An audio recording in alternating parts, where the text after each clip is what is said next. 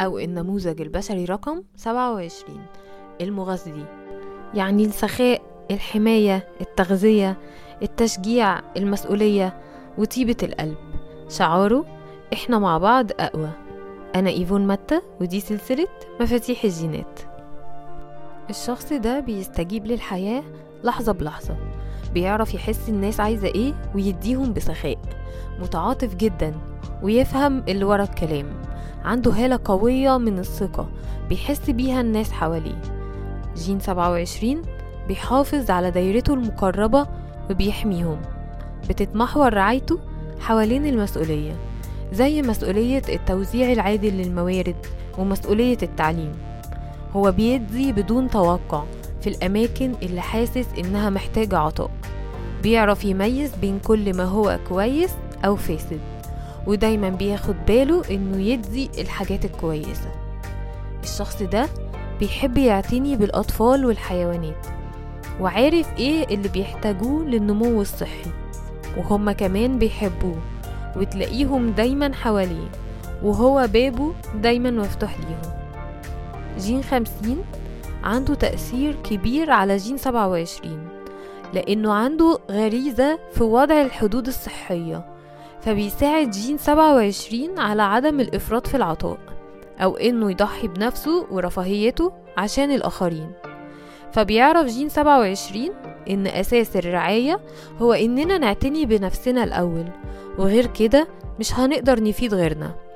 كمان بيشتركوا مع بعض في إنهم بيعبروا عن نفسهم من خلال النغمات والموسيقى.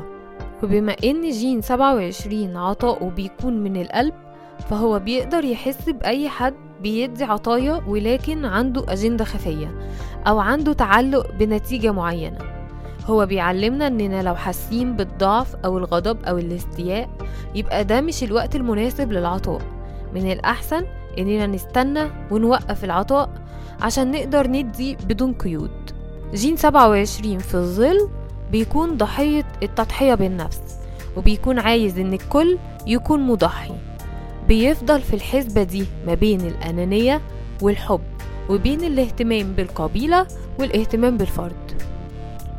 عشان كده الظل بتاعه بيكون الأنانية والأنانية هنا بتكون جزء من تطورنا اللي بيخلينا نقدر نتجاوز الوعي الجمعي. في الطريقة القمعية انت بتكون خايف من الجانب المظلم بتاعك وبتحاول تخفيه من خلال إنك تدي كل طاقتك للآخرين. فبتضحي بنفسك وبتتخلى عن قوتك الشخصية. بدل من إن عطائك يكون من قلبك فأنت بتدي الآخرين ولكن من غير أي إحساس طبيعي بالحدود. وده بيؤدي لاستغلالك وبالتالي بتحس بالاستياء من المتلقي. فالعطاء هنا ما بيكونش من قلبك الحقيقي وبالتالي الشخص بيتلقاه بنفس الطريقة مش من قلبه وبدون امتنان. العطاء بالطريقة دي بيضر أكتر ما بينفع لأنك طبعا هتستنفذ مواردك وطاقتك وصحتك بشكل تدريجي. أما في الطبيعة التفاعلية فبيكون العطاء متمركز حوالين نفسك. أنت بتدي عشان تاخد حاجة معينة يعني عطاء سياسي حواليه تلاعب وبيشجع على إنك تكون شكاك وتبطل تثق في حد. لما بتدي الناس ومش بتسترد المقابل على حسب توقعاتك ساعتها رد فعلك الطبيعي بيكون الغضب اللي بينفجر فجأة. عندك القدرة على إنك تهجم على الناس وتصب عليهم غضبك ده كله وغالبا ما بيتصدموا في الأول لأنك يبان عليك كريم ومعطاء ولكن النوع ده من العطاء بيجي من العقل مش من القلب. وعشان نختصر الموضوع فجين ده بيتكلم عن العطاء والظل بتاعه الأنانية اللي هي أول خطوة تجاه التطور. فبتتعامل معاها بطريقتين. يا بتقمعها عشان خايف من ظلك وتفضل تضحي وتدي بلا أي حدود شخصية وتستاء من الناس بعدها. يا بتتفاعل معاها وعطائك يكون متمركز حوالين نفسك وتوقعاتك. عطاء من العقل عارف كويس قوي هتاخد قصاده إيه. أما لما بتفهم الظل وبتقبله وتفهم إن العطاء لمجرد العطاء بيشتغل لمصلحتك وهو حاجة صحية ليك أنت ولجسمك نفسه بتوصل للهدية وهي الإيثار. بمعنى عدم الأنانية ومساعدة الناس بحماس وحب.